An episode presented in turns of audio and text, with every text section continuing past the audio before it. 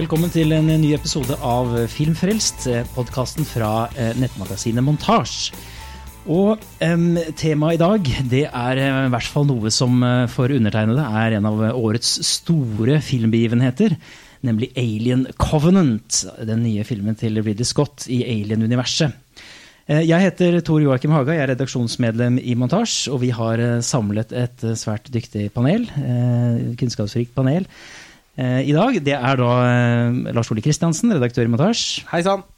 Det er Pernille eh, Risbråte Egebjerg, som da er Filmmagasinets utsendte. Hei, hei. Og det er Truls Foss, også fra Montasj. Hallo.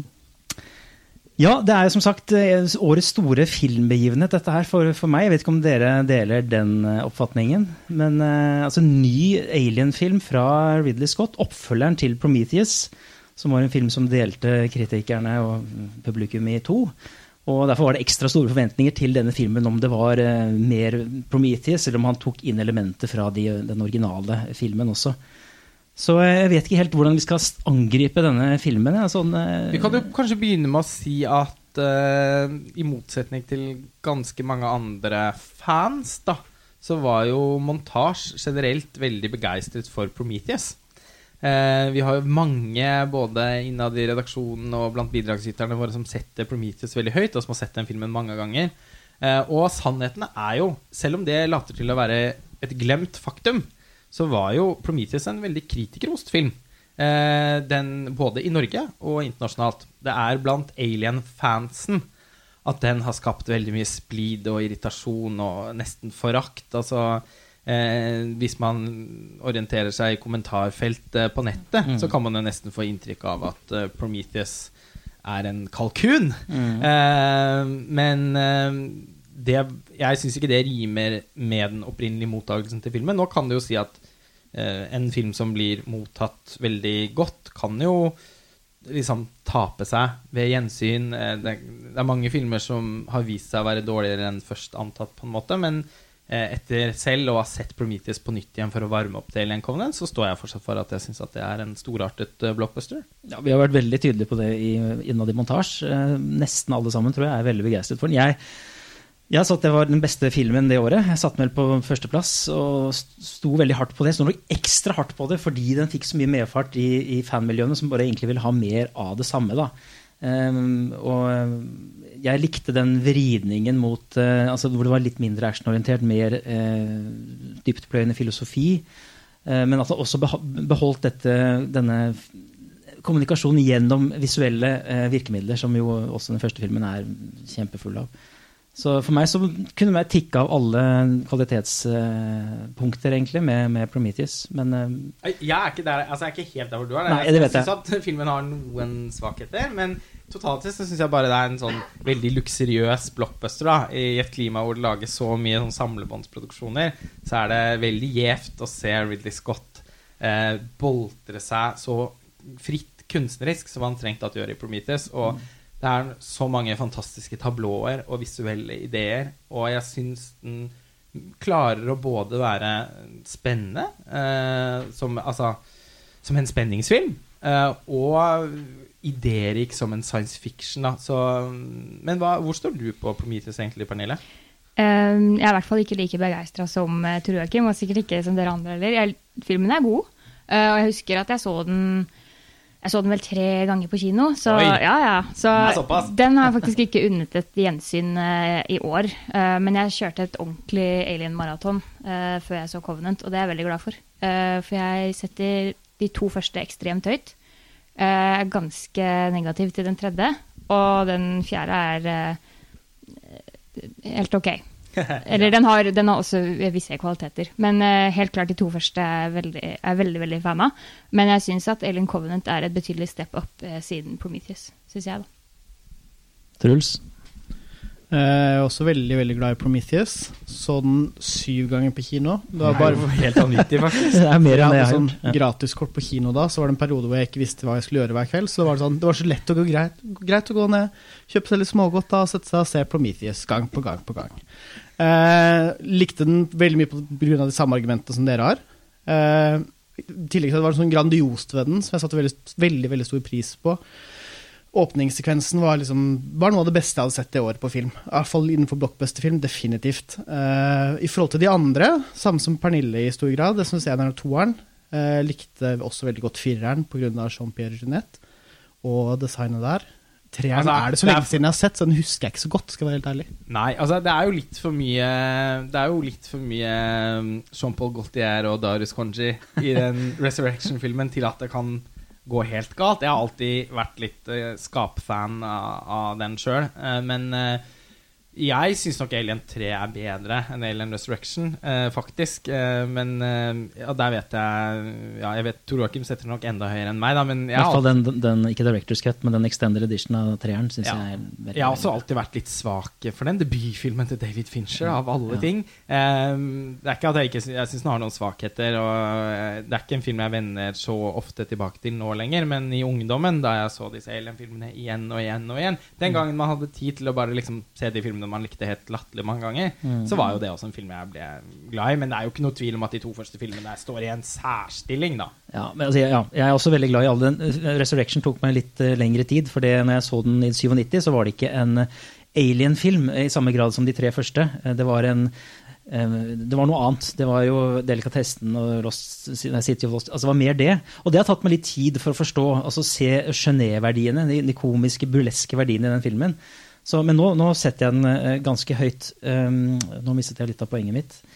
Uh, jo, uh, men Det unike ved alle filmene er jo selvfølgelig at hver enkelt regissør har kunnet legge sin egen stil til grunn. Altså, det er jo Ridley Scott, James Cameron, David Fincher, Jean-Pierre Jeunet. Dette er jo virkelige autører alle sammen.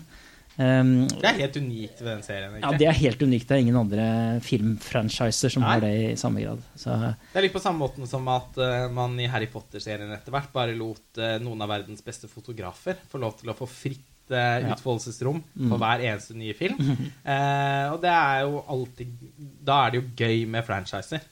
Når man på en måte får filtrert det gjennom en ganske tydelig og personlig kunstnerisk visjon. Ja. Og De to siste filmene er jo også Det er jo da tilbake til, til Scott igjen, men eh, så han viderefører jo en del av sin egen estetikk. Det er ikke den, der, den, nye, den helt, helt nye innfallsvinkelen til materialet. Det er det jo ikke da. Eh, det kan man jo sant, argumentere for og imot. Jeg har ingen problem med det. Jeg elsker hans visjon for den første, og han, la han bare få dyrke den videre. Um, og vi snakker ikke om disse to uh, Selv om de har andre kvaliteter, så snakker vi ikke om disse Alien versus Predator-filmene kanskje i denne omgang. Um, men um, Nei, altså det er jo Ja, vi er jevnt over ganske godt fornøyd med Prometheus. I hvert fall. Det er, sånn jeg, det er litt variasjon da, fra litt middelmådig til meg som er helt ekstatisk. Um, Fellesnevneren er at alle har gitt den en real sjanse. Man har sett Jeg så den fire ganger på kino sjøl. Ja. Mm. Så uh, det er en film man har hatt lyst til å like. Ja. Og det skal han ha at den satte seg såpass godt hos meg altså at jeg føler ikke egentlig at jeg behøvde et gjensyn av den nå før jeg så den nye. Nei. Den så den var sånn, absolutt ikke forglemmelig. Da. Nei, nei fordi sånn, sånn, var det for meg. Og nå hadde jeg ikke sett den siden uh, ja, Forrige gang jeg så den, var når den var ny på Blu-ray liksom. Uh, mens uh, ja, det var ikke en ting jeg hadde glemt. Så det var ikke noe forløsende ved å se den igjen. Det var bare gøy. Det er, det det er en sånn utrolig enkelt oppdagelsespremiss. Så plottmessig sett så er det, er det liksom ikke noe, man, noe viktig som man glemmer. ikke sant? Det er jo noe opplevelsesfilm, og det mener jeg egentlig gjelder alle disse. Men det som har vært spennende med Alien Covenant, er og, eh, Den har jo i og for seg hatt en ganske sånn lov Den første traileren som ble sluppet, syns jeg var lovende. Eh, det eneste jeg har vært redd for, er også basert på Ridley Scotts egne uttalelser. At den kom til å bli for mye fanservice, som en slags sånn unnskyldning for Prometheus. Han har jo selv også sagt at han liksom føler at han bomma litt med, med den filmen. Eh, jeg syns det er litt unødvendig. Ja, men han er, han er jo så vinglete. Jeg synes han er liksom, Det er litt, en liten innstigelse mot uh, Ridley Scott de siste årene. At han er blitt sånn vinglete. Han ombestemmer seg veldig fort uh, i forhold til story, altså premiss og storykonsept og sånne ting. Uh, og, og vet ikke om vi skal, ha, Har vi sånn spoilerregel i dag? At vi kan spoile eller ikke spoile? Vi må jo spoile litt. Nå har han jo allerede hatt så mange visninger. Ja. På en måte. Vi, hatt førpremierer og vi kan i hvert fall ha, altså det her er jo egentlig ikke noe spoiler, for det, det, er ganske tidlig så i filmen så får vi vite det at Elisabeth Elizabeth Shaw, eh, som var hovedpersonen i Prometheus, hun uh, dør. Under forskjellige omstendigheter som vi kanskje kan komme inn på. Men det føler jeg også er litt sånn der element i Ridley Scotts tankegang den senere tiden. at han, Først hadde han tenkt liksom å lage en film, altså en historie videre med henne.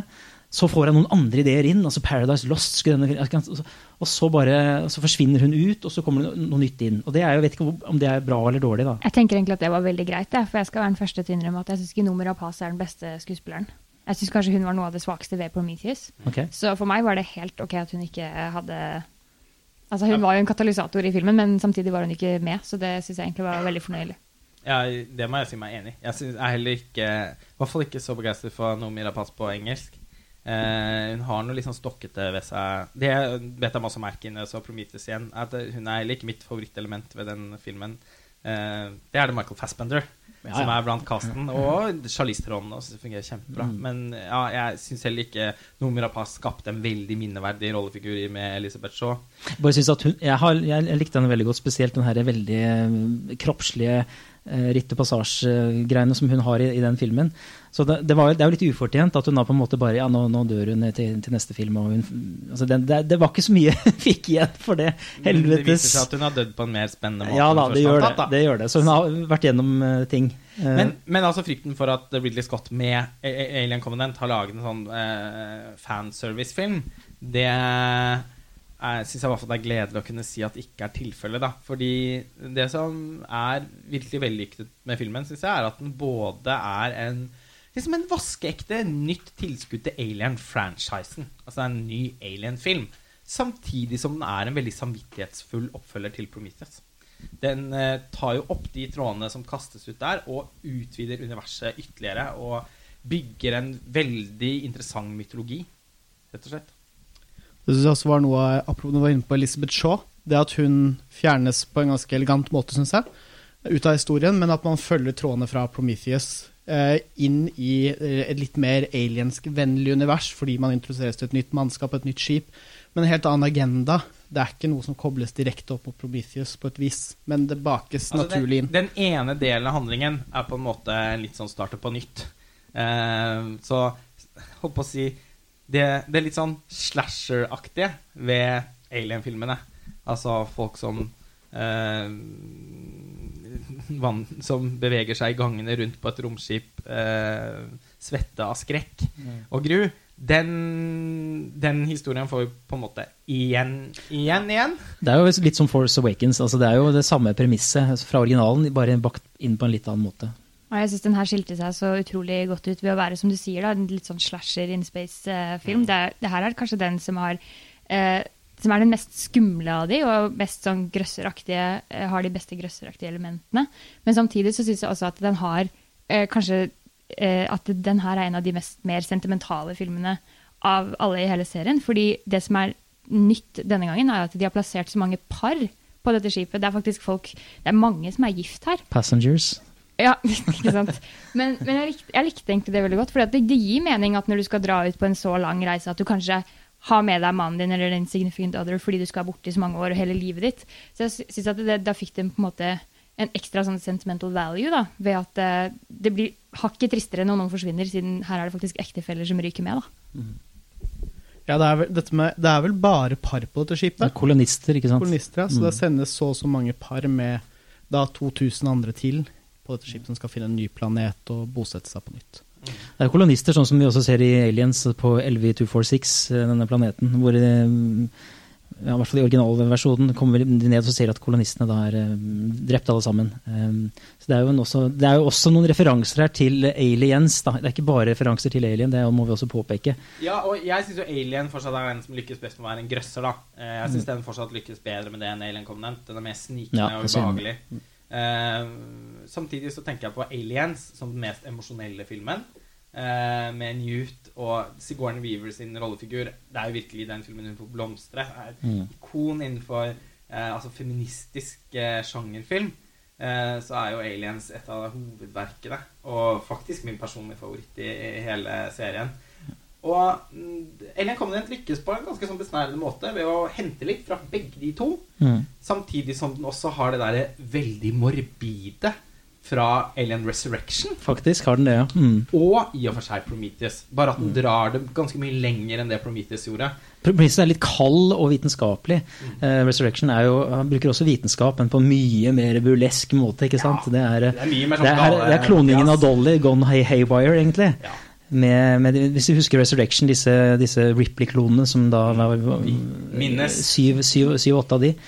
Um, det er en laboratoriesekvens her som kan sende assosiasjoner til akkurat den uh, sekvensen. Og nå må vi nesten komme inn på ja, det som Jeg vil ikke helt si at det er en spoiler, men det var en overraskelse. da, At på sett og vis er jo egentlig David hovedkarakteren i Mm. denne filmen. Mm. Eller snarere de to robotene til eh, Michael Fassbender. Mm. Nå husker jeg ikke hva han andre Walter. Walter, ja. Walter, ja. Um, og særlig etter den første akten så får jo han Midten av den timen som er på midten av filmen, er veldig hans boltringsplass. Mm. Og vi får jo møte da David på, eh, på planeten hvor han og Elisabeth så havner i Promet til slutt, i Mm. Prometheus. Og der har han Der har han måttet bygge og bo. Eh, og Der det er ingen skulle tro at noen kunne bo. ja, der skulle man virkelig ikke tro at noen kunne bo. Og vi får en utrolig fascinerende bakgrunnshistorie Mm. for disse engineerne. Og hvordan Altså, det viser seg å ha vært et helt samfunn. Eh, et ganske sivilisert samfunn som slekter på, på menneskene på mye mer sånn konkrete måter egentlig enn det man får inntrykk av i Prometheus. Mm. Altså, ja, altså arkitektur og kunst Mm. og i det hele tatt Familier. ja, altså, og det er kjempefascinerende. Det er særlig et tilbakeblikk der som fikk meg til å gå helt Jeg hadde ikke forventet det i det hele tatt i den filmen. Nei, Da bruste det av glede, ass, for det var så heftig. Mm. Jeg vil ikke røpe noe mer om det, men det er bare å Denne filmen evner å, på tross av at det er så mange gjenkjennelige scenarioer, så evner den likevel å være overraskende, syns jeg. Med tanke på det tilbakeblikket, vil jeg egentlig bare anbefale lytterne å ikke se det klippet, for det er sluppet. Mm. Hvor man får Oi, se en del av bakeblikket. ikke. Bare Mm. ikke se det klippet. Mm. Det er utrolig irriterende at man slipper sånne ting. For egentlig så burde man bare, Vi snakket jo om det her etter visningen, at man burde egentlig bare ha styrt unna trailere også. I hvert fall de lange versjonene. Fordi det er en del scener der som man gjerne skulle venta med å få sett. da. Ja, som spiller seg langt ute i filmen. Og sånn. Ja, Ja. Det er jo spesielt uh, kjipt, egentlig. Mm. Men som du sier, den, den, eh, selv om det er veldig mange av de samme tingene den spiller på, sånn, så eh, innpakningen er uh, Jeg syns den står som noe eget samtidig. Og det ble en sånn, for meg, veldig sånn fysisk filmopplevelse. Jeg ble skikkelig sånn sprudlende av å se den. Så som bare ti minutter uti så lente du Lars Ole over til meg bare Jeg syns dette er veldig gjevt. Og da tenkte jeg ja, dette her er, blir en sinnssyk filmopplevelse. Og det var liksom jeg satt med armene i været, jeg klappet på et uh, tidspunkt. Jeg bare tenker sånn, Når du sitter på en sånn sykt fysisk filmopplevelse, da, da har de klart å eller lage noe nyskapende. Ja, og dette med, dette med at, ja, at man klarer å ekspandere dette universet. Filmen er jo delvis filma i New Zealand. Og de sekvensene som er ute her, veldig mye av det er fra New Zealand. Og det ser jo helt fantastisk ut. Mm. Det er litt som om man skulle ha tatt ut fra 'Ringenes herre' noe av det. Det, er, det høres veldig corny ut å si det, men det er noen av de vandringene i naturlandskapet der som Som mordoraktig. ja, pust, Mm.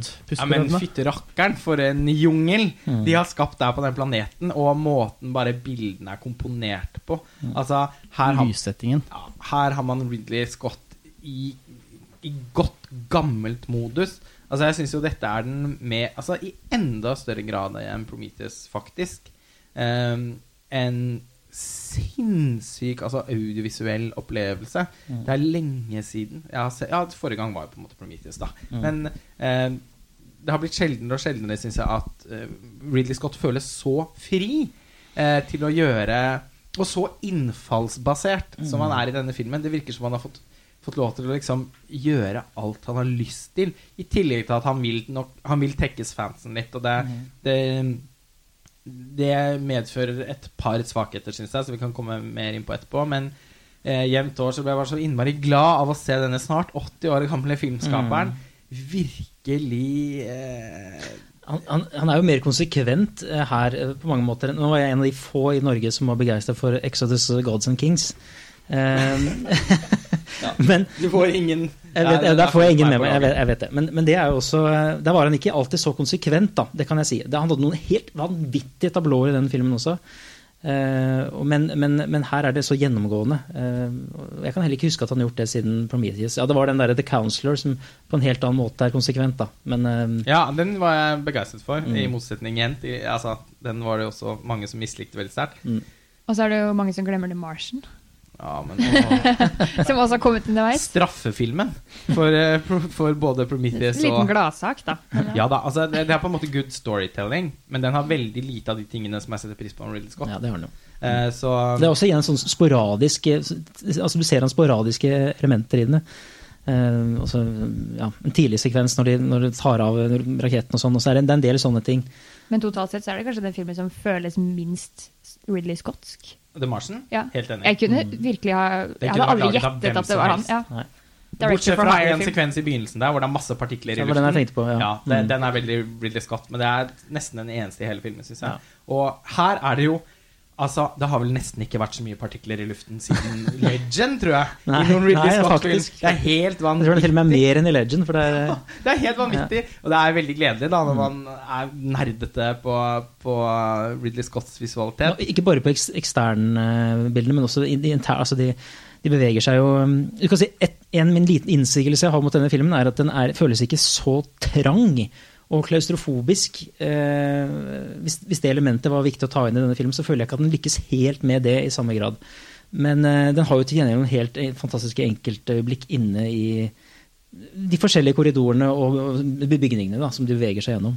Og eh, det er også lenge siden jeg har sett så mange blafrende gardiner og gardinlignende ting. Ja. Altså som det er ark som henger oppe etter Mm. Altså ting som blafrer, Mm. som var veldig sånn eh, tidlig Ridley Scott. Mm. Eh, I og for seg tidlig Tony Scott, da. Den gangen Tony Scott var veldig åpenbart eh, bygd over samme lest som sin bror, f.eks. i The Hunger.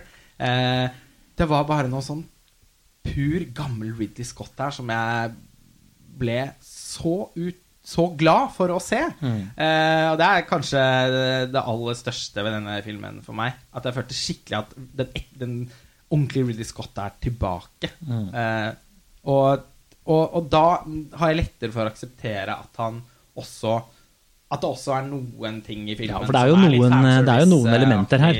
tatt. Ja, det er noen elementer som, eh, som kanskje ikke lykkes helt så godt. Jeg vet ikke om vi skal gå inn prøve Vi kan kanskje sikkert begynne å gjøre det. Ja. si, si litt om det. Hvis ikke det er noe annet du Nei. Tenkte jeg bare skulle komme inn på, på dette med, med, med pur Ridley Scottsk. Jeg syns jo det er noe pur Ridley Scottsk med disse tre slags si, scenarioene filmen utspiller seg i. Romskipet som de er på, Covenant. Eh, naturlandskapet og liksom dette tilholdsstedet til David, da. Den, den, disse restene av en sivilisasjon. Mm. At alle sammen har noe sånn typisk Ridley Scottsk ved seg. På Ja, hver sin klart. måte. Og litt Gladiator, over, eh, uten at avslører for mye, over en del av de eh, stedene til David. Det var så overraskende! Det ser man jo heldigvis ikke noe av i de trailerne som allerede røper altfor mye. Mm. Så forferdelig teit at de også har sluppet noe klipp av dette her for å Mm. lokke folk inn i kinosalen. De kommer sikkert til å gå dit uansett. Skal vi gå videre til spoiler og Ja, vi får kanskje begynne med no, et par Ja, av altså, du- innvendingene. da Ja, innvendingen, Det er ikke nødvendigvis noen spoiler i det. Det har vi alle vært enige om. Vi var alle så filmen samtidig. Og var vel, når vi kom ut av salen, så var vi alle enige om at uh, CGI-elementet her uh, føltes litt adhoc. Gjorde det i hvert fall for min del. Uh, som var altså eh, elsker, det, Noe av det jeg elsker i den første filmen, er jo den eh, litt sånn eh, klunkete, hva heter det? Litt sånn Det heter ikke det. Eh, ja, stakkato-bevegelsene til eh, monsteret, som da var en mann i en, en drakt. Men det, det ga det en sånn operatisk, eh, grasiøs kvalitet også, eh, i mange sekvenser, som virkelig høynet scenomorfen xenomorfen til en mytologisk figur, da, ikke bare en sånn slasher-figur. Og det er klart at når du har friheten med CG, så, så blir det ofte litt mye bein, armer og bein og flaksing og, og litt sånn ja, glatte bevegelser. Noe av det som jeg hater den tredje filmen aller mest for. Sånn, for å skyte inn det. CGI-en. Ja. Ja, det var jo tidlig CGI, da, så det var jo, men jeg er enig i det. Den Ja. er litt sånn uggen. Jeg tenkte også over det at jeg savna litt de gode, gamle prosthetics-greiene. Fordi vi vet jo at de får det til så godt, på en måte. Så det er sikkert en del som helt fint kunne ha bare vært det. Jeg er veldig enig, og jeg syns også det at den er digital, og såpass, den, det gjør at den også er ganske kjapp, gjør også at den utgjør en større, liksom, eller egentlig uovervinnelig trussel. At den føles ikke ut som det er mulig å beseire den. Og det får man litt følelsen i de andre filmene, at det er en mulighet for å liksom kunne stå i kamp med de og kjempe med de og overleve. Men her så er det sånn, hvis du er ti meter unna, så, så er du liksom ille ute Man har liksom gjort det samme grepet som Zack Snyder gjorde i sin Dawn of the Dead-remake. Eh, Mm. Som i og for seg er en film jeg liker kjempegodt. da men, eh, Og der fungerer det som et friskt pust at zombiene springer istedenfor å bevege seg. World War. Z også har litt av det samme i seg. Ja, Mm. men, den, men eh, når det er sagt, så vil jeg jo alltid foretrekke zombier som beveger seg langsomt, fordi det, det er det liksom Ut av det springer det en litt annen type skrekk. Det Mm. at man i, for noen minutter kan føle seg rimelig trygg og nesten kan kødde litt med situasjonen, men når det plutselig står 10, 12, 14, 15, 18 rundt deg, så innser du at du skal dø.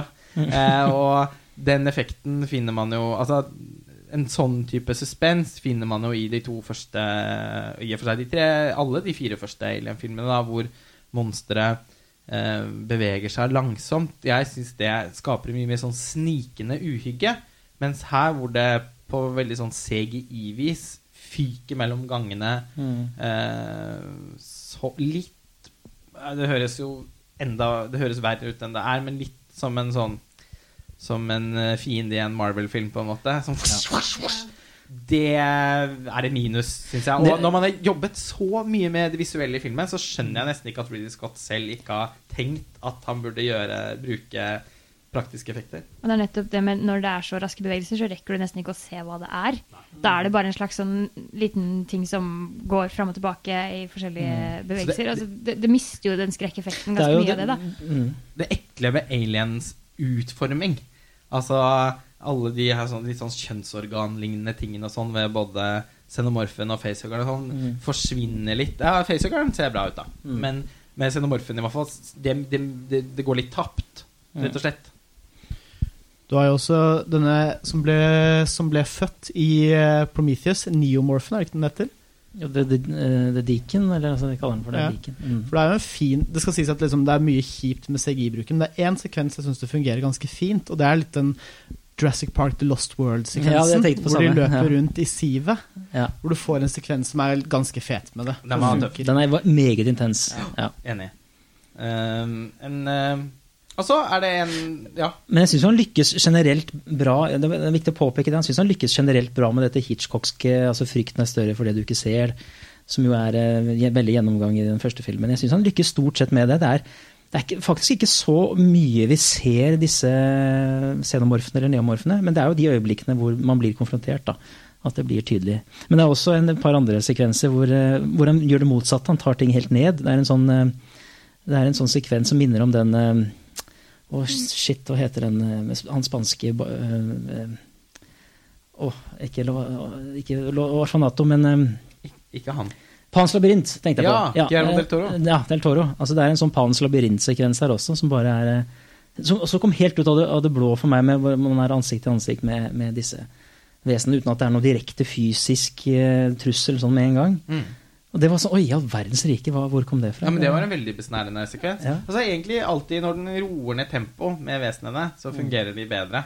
Uh, og Ja uh, Det skal jo sies at det er faktisk ikke så mange Det er, liksom, det er ikke så stor del av filmen som er av det man misliker med CGI-en der, da. Det er, utgjør ikke så stort. Nei da, altså det, jeg, jeg syns det er å anse som en skjønnhetsfeil.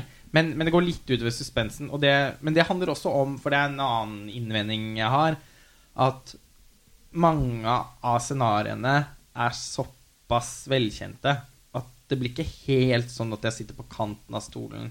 Eh, altså, det er ikke spenning på den måten så ofte, syns jeg. Nei, selv om de, de prøver å gjøre noen vridninger på livssyklusen og sånn, at ikke det bare er de samme som vi har sett før, men, eh, men, men vi kjenner jo så godt vesenet nå gjennom Det blir litt mer sånn jeg tenker sånn, hvordan, hvordan gjør de det denne gangen? Ja. Eh, men det er ikke noe nødvendigvis altså, Det er noe Når man er glad i en franchise, som er tilfellet med Alien-serien, da, så er jo det også en av gledene man får som en fan. Da, at man er spent på liksom Åh, hva gjør de denne gangen? Det å få liksom de samme Litt sånn urscenene igjen og igjen. Det er jo en tilfredsstillelse i det òg. Mm. Og stort sett så syns jeg det funker kjempebra. Og den, apropos Hitchcock du sa Dusjscenen i filmen, Ja. som dessverre ble avslørt i den første traileren. da Det skulle de aldri ha gjort. Nei. For den er jo kjempebra. Eh, og det er den ene scenen hvor jeg også syns at man har klart å bruke eh, vesenets langsomme bevegelser. Mm, mm. Eh, som er den, det bevegelsesmønsteret vi kjenner fra de opprinnelige Alien-filmene på en veldig effektfull måte. da. Den scenen er ordentlig gruoppvekkende. Ja. Men dessverre forsvinner jo litt av lufta ut av den ballongen når man har sett scenen nesten i sin helhet Ja. i forkant. da. Jeg ble faktisk nesten litt skuffa over den scenen, samt noen andre av de groteske scenene. For jeg føler at veldig mange av de var over veldig fort. Og at mye av det aller mest groteske var offscreen. Um, jeg vet ikke helt hvorfor de velger å gjøre det sånn. Kanskje det er for å skåne oss, men eh, jeg kunne gjerne sett enda litt mer gore, egentlig. Ja, men det, igjen føler jeg det handler om tempo, fordi det er mange av de angrepene sånn som i utgangspunktet er ganske gory, men de går så fort unna at man eh, Det altså, blir sånn sjokkeffekt. eh. Ja, det gjør det. Det blir mer en sjokkeffekt enn det blir en sånn Ja, det er ikke så spekulativ voldsbruk, da, rett og slett. Eh, for de av oss som syns at det kan være eh, fint i, eh, i sjangerfilm, så får man ikke så mye av det. Og det er jo, kan jo være en kilde til skuffelse for de som har giret seg opp rundt at denne skal være så sinnssykt brutal. Da, for det Mm. er jo en slags sånn rykte den har fått. Ja. På samme måte som Raw, som er kinoaktuell nå, har liksom blitt sånn sagnomsust forsterket av markedsføringen. Da, at det er en film som får folk til å besvime og kaste Ja. opp i kinosalen. Sånn som 'Eksorsisten' var i sin tid. Ja. Den samme. Det er klart du blir skuffa når du hører at du skal besvime eller kaste opp. Ikke sant? Og det, jeg føler også at man har gått veldig hardt ut med å si at Alien Covenant er sånn Å, den er skikkelig drøy, liksom. Ja. Ordentlig sinnsto, vanvittig kaskader med blod og gørr. Og det er ikke sant. Nei, det er ikke sant. Og det, filmen trenger det ikke. Så det er ikke noe Nei. Det blir dumt å si at det er noe svakhet med filmen, men jeg skulle ønske at den kanskje dvelte mer likevel ved et par av de groteske øyeblikkene enn å bare liksom ja, bevege seg hurtig videre. Jeg tror jo det at et stikkord her på mange områder egentlig er hybrid. da. Eh, Det er hybrider mellom artene, holdt jeg på å si, og det er en hybrid i sjanger, og det er en hybrid mellom foregående og, og ny, eh, nytt alien-univers, på en måte. Og eh, det syns jeg han lykkes faktisk veldig godt med, den organiske hybriden der. Er veldig, veldig glad for at han har beholdt mye av det, eh, av det, liksom, det filosofiske fra Prometheus. Det er noen referanser her til noen eh, dikt av Shelley, tror jeg det er. og og så, så, Og Byron Byron, altså det er dem, ja. også, Det er masse referanser og- til og- og- europeisk kulturhistorie her, da. det er det, og ikke minst David, eh, som jeg nå heter, eh, som jo er en, en kjent eh, figur. Og, Og da, musikkstykket til Wagner med hva er det, The Gods Entering Valhalla. Entering Valhalla, ja. Men altså, altså David var jo en, en renessansemann som spilte på fløyte, og han, han snekra litt. Han lagde kunstverk, og han var jo ikke bare en konge, men mye annet rart. Og det er jo også det, altså det er så mange referanser til, til dette her, som Prometheus også heldigvis hadde, og det har de bevart. I tillegg til disse, disse mer actiondrevne, horrordrevne sekvensene. Så, men jeg, jeg tror nok at den vil få litt eh, pepper kanskje for det. da, At den ikke er eh, for rendyrket den ene eller andre veien. Personlig så syns jeg det fungerte enda bedre her enn i Prometheus. Jeg syns den har parti midt i filmen hvor den tør å være liksom såpass hva skal jeg si, for å være intellektuell ut sitt eget, sitt eget opphav, sin egen på en måte, ja, sitt eget univers, Mm. og hva den prøver å være. Jeg syns den delen var et høydepunkt i filmen. Det er jeg helt enig i. Jeg synes, altså, alt det som har på en måte eh, Davids laboratorium å gjøre Ja. Holdt på å si Dexters laboratorium. Eh, Det var for meg også et høydepunkt. Og det er heldigvis ganske mye tid hvor film, filmen tilbringer sammen med David i hans eh, I hans hule. Eh, og jeg, jeg kan også spå da, at noen vil oppleve de elementene som pretensiøse, særlig fordi de er sammenstilt mot en nokså konvensjonell Mm. slasher in space. Mm. Eh, men jeg syns jo, i likhet med dere, at den kombinasjonen fungerer veldig bra. da.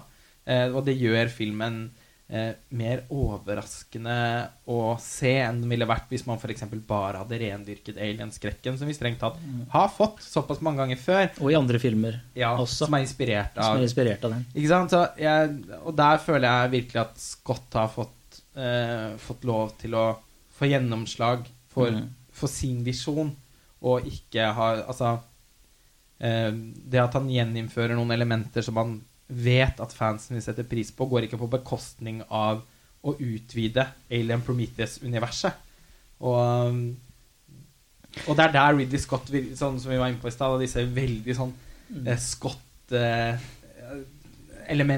Mm. får jo virkelig blomstre i den biten der. Mm. Og en god slump Jean-Pierre Junette. Med disse lampene og dette det brune landskapet. Ja da. Ja, men altså, bare det Og Cameron også. Det er jo disse mm. Truckers in Space, det var det for så vidt også i den første filmen, men her, her har han litt, øh, dratt på enda litt mer øh, med den banteret som er mellom øh, mannskapet, som også er, minner litt om det Cameron gjorde i, i toeren. Så det er tydelig at han også har litt elementer av det der. Jeg er litt redd for men bare si, jeg er litt redd for at denne filmen også er, blir offer for en del av det samme som Prometheus blir offer for, nemlig en sånn veldig narrativ dekonstruksjon av fansen, hvor de ser på en del sekvenser som ja, jeg har spesielt en sekvens i tankene som jeg vet at fansen kommer til å reagere på, som kan minne litt om en tilsvarende sekvens i Prometheus som fikk masse pepper. eh, Fordi den virket lite troverdig eller altså usannsynlig. eller sånne ting. Så, så jeg er litt redd for at eh, det som vi nå nevner som er så bra med filmen, alt dette skotske og forbindelsen med det viserale og det rasjonelle, holdt jeg på å si, at det vaskes litt ut da, av en sånn en innfallsvinkel. Da syns jeg publi eller mange av lytterne kommer sikkert til å skjønne hvilken sekvens. Eller muligens, i hvert fall. Muligens, ja. Jeg vil bare, det er jo bare en dråpe i havet i forhold til resten av filmen. Ja. I det fantastiske sjøen han har laget. Ja, men altså, jeg, det, det kan man jo Hovedinnvendingen mot Prometheus har jo stort sett vært at man har opplevd at mange av karakterene der oppfører seg At de har et handlingsmønster og reaksjonsmønster som er utroverdig, og at de er In, dumme. inkonsekvent og sånt. Det er noe av det her òg. Det må sies. Ja. En god del. Mm, Noe av det. Men jeg, sy- ja. Men det er helt naturlig når du har en, et, et så stort cast. Fordi det må vi jo altså det drar, Jeg drar alltid det inn til det at vi må prate om casting også. Det har vi ikke vært innom skuespillerne ennå. Eh, men eh, denne filmen har det faktisk eh, ganske stor rollebesetning. Eh, og det som jeg syns var veldig positivt, er at filmen er bare to timer, men han klarer likevel å skape ganske mye personlighet til nesten hver og en, en og enkelt av disse karakterene. Da.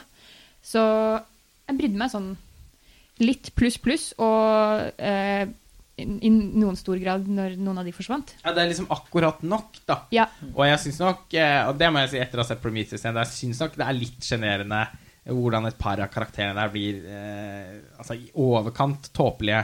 Eh, og, og det syns jeg ikke det var Jeg syns ikke det var like ty Jeg syns ikke tåpelighetene var like tydelige da i, i Covenant, selv om helt sikkert noen som vil gripe tak i det. Men jeg syns uansett at det er veldig uvesentlig for filmens underholdningsverdi. Ja, det er sant. Underholdningsverdien er liksom på topp, men samtidig så jeg klarer ikke å la være å bli smått provosert når man er samlet etter en forferdelig hendelse, og så bestemmer noen seg for, eksempel for å ta seg en tur alene et eller annet sted. Det er sånn Nei.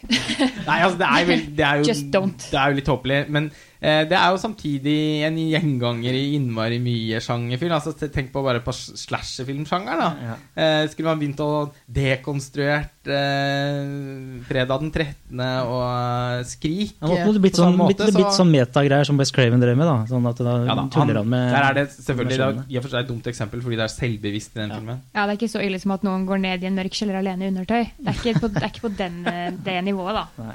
Men, Men, eh, ja. Ja. Nei, men, eh, men altså, hvis man skal snakke om skuespillerne Catherine Watterson syns jeg Mm. er god. Mm. Ikke en sånn kjempeminneverdig rollefigur, men hun fungerer som Nå, ikke slags så mye Ripley som det ble spådd på forhånd, syns jeg. Men, Nei, men, men helt ok, syns jeg, som en Ripley-erstatning. Ja, jeg syns hun var veldig bra. Jeg har alltid likt hun som skuespiller, og jeg er bare er veldig veldig glad i hvordan hun her, akkurat sånn som Ripley, er sånn, overhodet ikke seksualisert i det hele tatt. mm.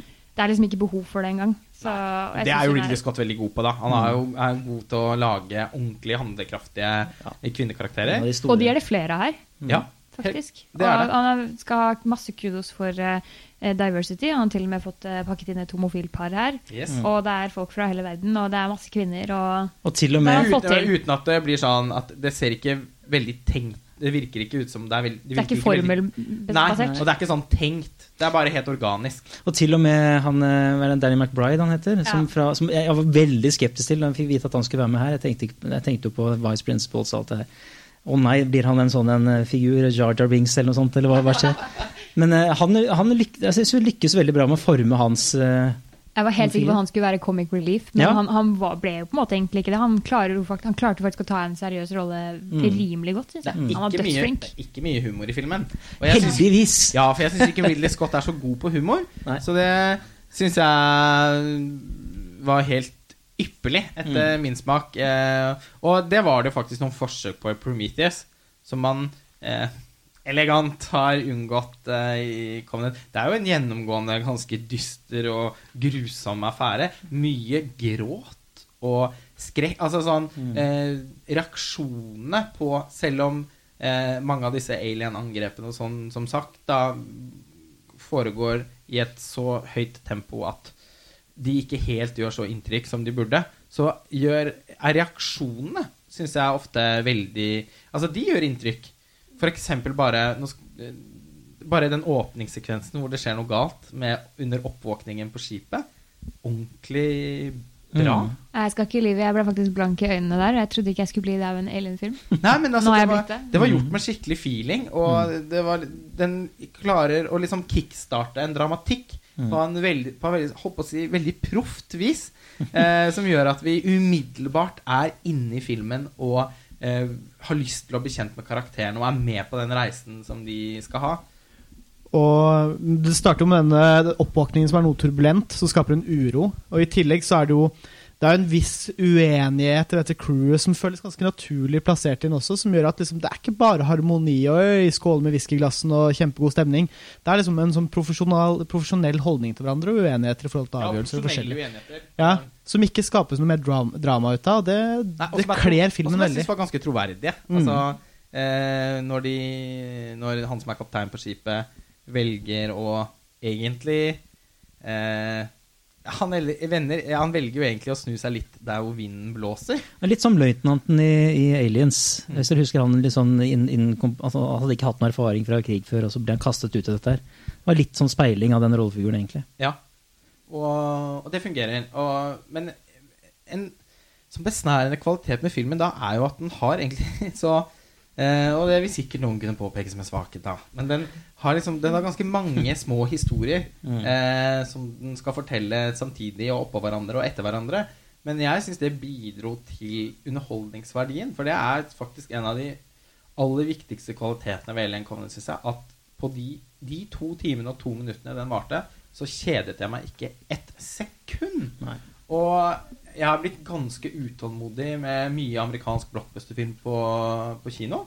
Eh, det er så mye som føles så, så idéfattig og så autopilotaktig Mm. at man mister interessen etter 45 minutter.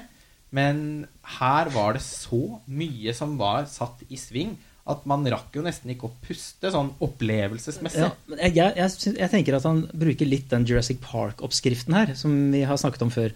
Altså hvor det er, eh, hvor det er sekvenser, ganske langsomme uh, sekvenser hvor du eneste, det eneste du skal gjøre, er å suge opp stemningen og stedet, og kanskje bare er en lang dialogsekvens, sånn som det er midtveis i denne filmen, uh, hvor David også er involvert. I, i den her eh, liksom dunkle belysningen med de her lanternene holdt jeg på å si, og blafrende papirer som vi snakket om i stad. Han bruker masse tid på det, og så er det en, en veldig temposatt eh, actionsekvens, og så er det den dynamikken der. Og det gjør jo at eh, man, man, er, man kjeder seg ikke. Det er liksom vekselvis hele veien. Ja, men Det er litt sånn intervaller. Altså, Intervaller, ja. han, han Mm. løper opp en bakke, og så tar han en pause. Og så løper han opp en bakke til, og så tar han en pause. Og sånn går det gjennom he løper det gjennom hele filmen. Mm. Eh, Det har jo noen spe spektakulære actionsekvenser òg, som er nesten sånn på grensen til eh, James Bond og sånn, men, eh, men uh, Ja, helt på slutten der? Nei, litt tidligere. Ja, ok. Men uh, jeg syns også kanskje det er en sånn actionsekvens da på slutten der som Det blir feil å si 'den tåler ikke helt dagens lys'. Gjør det. Jeg syns ikke, ikke den var dårlig, men eh, en eh, dagslysbasert eh, eh, sekvens uh, dagslys, Dagslysbasert. Det ble utrolig rart. Nei, ok. Det er en uh, actionsekvens med xenomorfen. Uh, og hvor den liksom er i kamp med selve skipet. ja, men det er jeg snakker om den samme, men den er Som- ja. midtveis omtrent, da. Ja, jeg trodde den var senere. Ja. Men som, og som da, fordi at den foregår på en måte da i dagslys, Ja. ser litt sånn, klum, litt sånn klønete ut, syns jeg. Litt corny, men Ja, litt corny. Hadde man lyssatt den mørkere, så tror jeg hadde hatt lettere for å Kanskje. kjøpe det.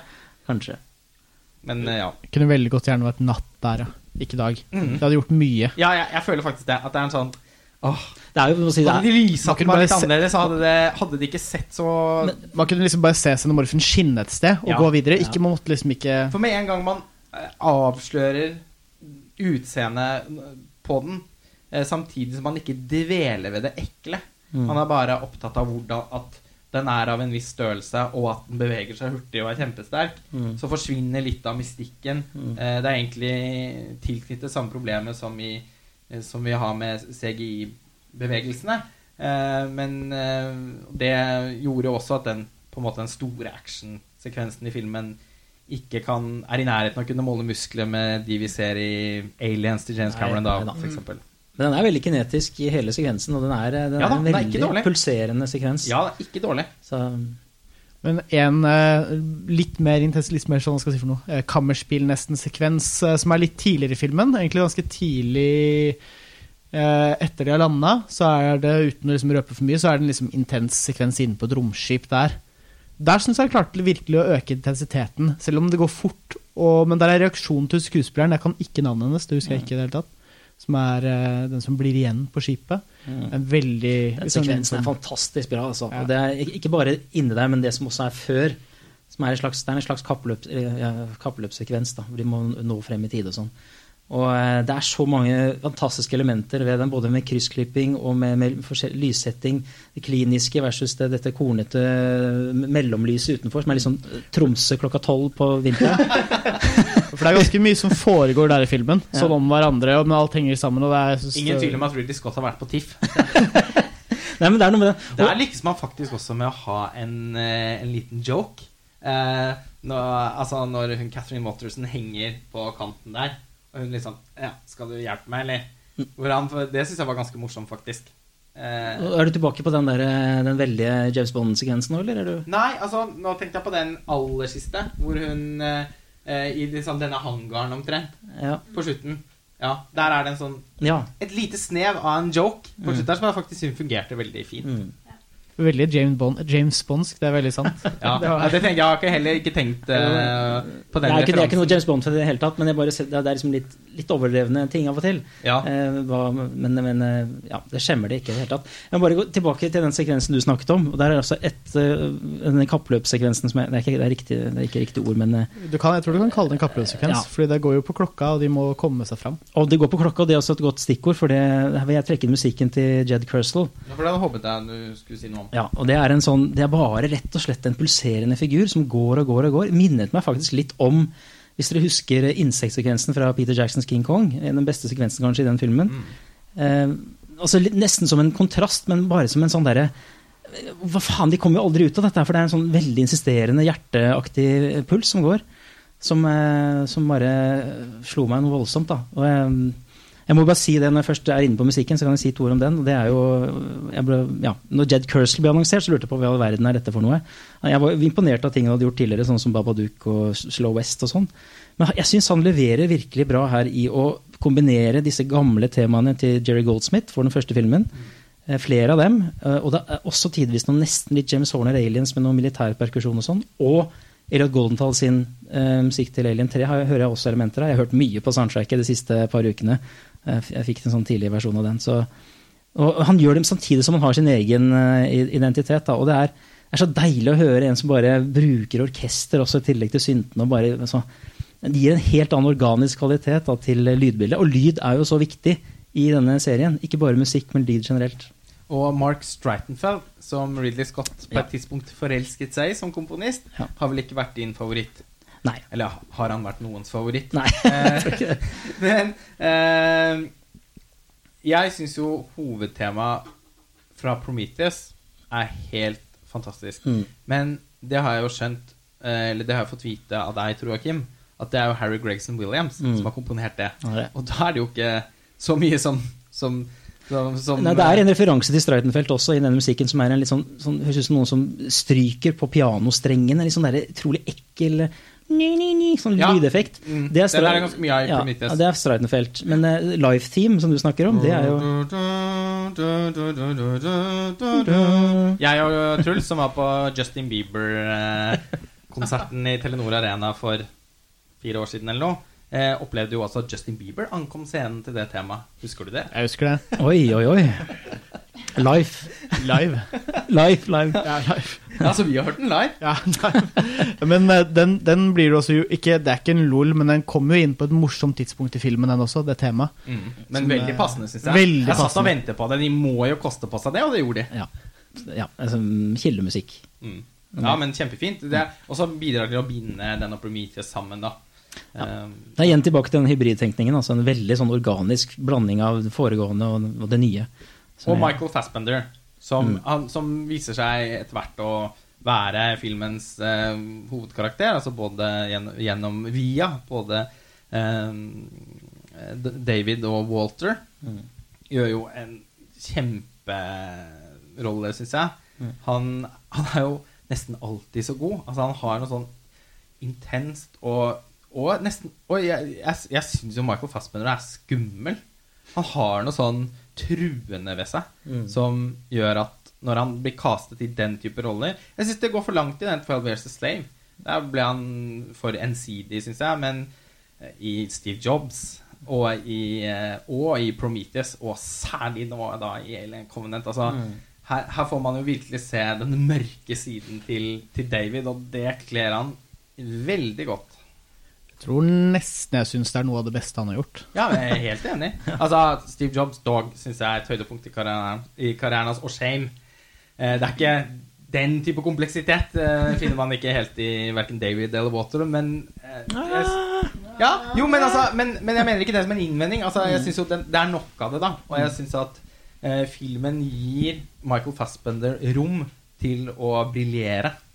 Ja, det er ganske imponerende å være en overbevisende robot, og det syns jeg han får til veldig godt. Og spesielt med tanke på at han har så sykt mange scener med seg selv.